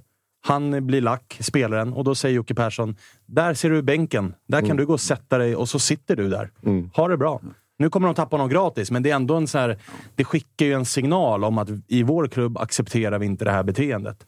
Eh, du får, då får du sitta i ett år. Och också så jävligt häftigt av en klubb som Varberg, om man kollar liksom vart de är i hierarkin. Att så här, de skulle kunna få ändå så här, 3, 4, 5 miljoner för honom innan säsongen mycket mer. Verkligen. Men att så här, ja, men vi skiter i de här pengarna. Och det är också så här, pengar som skulle kunna förändra ganska mycket för en klubb som Varberg. Ja, ja. Men att man verkligen sätter sig på tvären och bara, ja. så här kan inte du agera i våran klubb? Och man tydligt visar det utåt också mot spelare som kommer till den här klubben. Att, här är din prislapp. Exakt. Och om ingen betalar det priset, då kommer vi inte sälja dig. Det finns ju en enkel lösning på det här och det är liksom upp till agenterna. Sätt in klausuler i kontraktet. Kom inte överens med muntliga överenskommelser som säger vi släpper det vid ett bra bud. Vad är ett bra bud? Om Milan lägger ja, två miljoner mm. på eh, trippel A så är det klart att trippel A tycker det är skitbra. Men AIK tycker det är jättedåligt med två miljoner. Sätt en prislapp, sätt in det i kontraktet då har du någonting att jobba utifrån. Så jag tycker liksom, jobba tydligt. Sen så kan inte jag ins i, i liksom hur en sån förhandling går till. Men det, det är absolut att det finns klausuler i att liksom ett utlandsbud på 10 miljoner, då kan vi inte säga nej. Börja jobba med dem lite mer. Börja jobba lite mer liksom tydligt. Och, och, sen är det klart att skriver man på ett nytt kontrakt, då får man höja den om det går bättre än vad man tror. Eh, annars får man liksom stå sitt kast. Eh, så att liksom, jobba med lite mer tydlighet. Klausuler tror jag, tror jag liksom Visst är det La Liga måste alla... Ja, eller hur? Visst är det så? Där måste du ha en utköpsklausul i ditt kontrakt. Och då blir det ju sen när de värvar Dembélé så blir det så den är på 9000 miljarder. Men du har en klausul, det är lugnt. Liksom. En miljard euro. Det, det, det, det finns ett bud ja. som vi inte kan säga nej till. Om någon lägger det så varsågod. Men jag håller med. Och sen, men i grund och botten måste det också finnas någon form av jävla ömsesidig respekt. Såklart, att så här, hej, vi har kommit överens om att kommer någon och lägger 25 så släpper vi dig. Ja. Nu kom det 15 och då kommer vi inte släppa dig. Då kan inte spelaren bara, okej, okay, men då, då vill inte jag spela. Det måste finnas någon slags eh, rättighet för klubbarna också i att hävda kontraktsbrott i och säga att jag spelvägrar. Ditt jobb är att spela så om du spelvägrar så arbetsvägrar du också på, på, liksom, på en arbetsplats. Man säga, för det är deras arbete. Så där har jag ju noll koll. Och den, är så, för den blir som gråzon, för där kommer ju Jehas och hans agent alltid hävda så här, jo alltså, nej jag spelvägrar inte, nej. men jag sa till tränaren att jag mår inte så bra idag. Exakt. Då blir det också så här, jaha. Det är svårlöst. svårlöst. Det är en svårlöst Men man, man, undrar hur dialogen har varit med Jesper Jansson också. Att det verkligen är så här, en så här point of no return. Att så här, verkligen så här, Jesper Jansson säger, jag vägrar sälja dig. Om det liksom är på den nivån. Att så här, du är en bärande spelare. Vi ska gå för guldet. Ja. Vi kommer inte vinna guldet, men vi ska gå för guldet. och så här, du är en nyckelspelare där. Därför kommer inte vi släppa dig det här fönstret, utan vi kommer släppa dig i vinter. Ja, om vi inte ja. får 25. Exakt, men man undrar också hur diskussionen har varit dem sinsemellan. För uppenbarligen har det skurit sig som fan mellan de två. Ja. Alltså, då måste det verkligen vara så här, Jas vill verkligen gå. Och Jesper Jan säger, vi kommer inte ens släppa dig för vilka pengar i världen. Typ så. Ja, alltså, det hade varit jävligt kul att vara en fluga på väggen under de samtalen som har förts mellan Jehas, Jesper Jansson, jag hans agent eh, och så vidare. För det, det, det, det lär vara hyfsat infekterat Ja, nu. fan, han, han tog bort alla Instagram-bilder. Enda bilden han har kvar, det är en hyllning till Milos. som, som nu fick gå. Exakt. Jävla dålig vecka för Team Jehas Milos alltså. Hyfsat Nej. kämpig. De får ju hålla handen. Ja, det är bara... Nästa, Exakt. vidare till nästa klubb nu. Verkligen. Alltså. De är klara där de är. Det är bara att packa ihop och, eh, och lämna. Apropå Eh, harmoni då. Djurgården är sjukt harmoniska. Ja, men sluta nu. Sluta nu. Sluta nu. Sluta nu. Eh, vi eh, säger så va, Kalle? Och vi påminner folk. Vi påminner folk om att nästa vecka så får Youtube chilla lite. Ja, Det, faktiskt. det blir eh, semestertider på Youtube, men vi kommer att komma med podden i vanlig ordning. Den har man på Spotify, exempelvis, förslagsvis, men man kan också lyssna på den på alla andra poddplattformar. Vi finns överallt. Vi finns verkligen överallt. Och sen, eh, det har varit jävligt mycket folk in idag. Tycker nivån har ändå varit eh, bättre än vanligt. Jag är mycket tacksam. Passa på att lägga en liten tumme upp på klippet innan ni eh, checkar ut härifrån och tar helg i alla fall. I semesterläge i chatten. Ja, hur många block har du fått jobba? Jag har faktiskt inte, faktiskt inte blockat någon än. Oj! Det är lite svagt. Rekordnivå i chatten. Ja, alltså det är en som hetsar om att så här, den som är merch-ansvarig för Tuttosvenskan ska avgå. Men, det, det- kan vi väl inte annat än att hålla med om egentligen. Vi har ingen merch än så länge. Nej, och vi har ju ingen merch-ansvarig, så att det finns ingen att avsätta. Men Nej, eh, den, den, eh, det, det spöket Laban kan absolut få avgå. Ja, det är kul det. att sparka folk, Ja. kan jag tycka, spontant. Eh, så vi säger så då, så, vi. så hörs vi nästa vecka. Vi ses inte, men vi hörs nästa vecka. Tack för att ni eh, är med oss. Hej på er! Yeah. Tyst!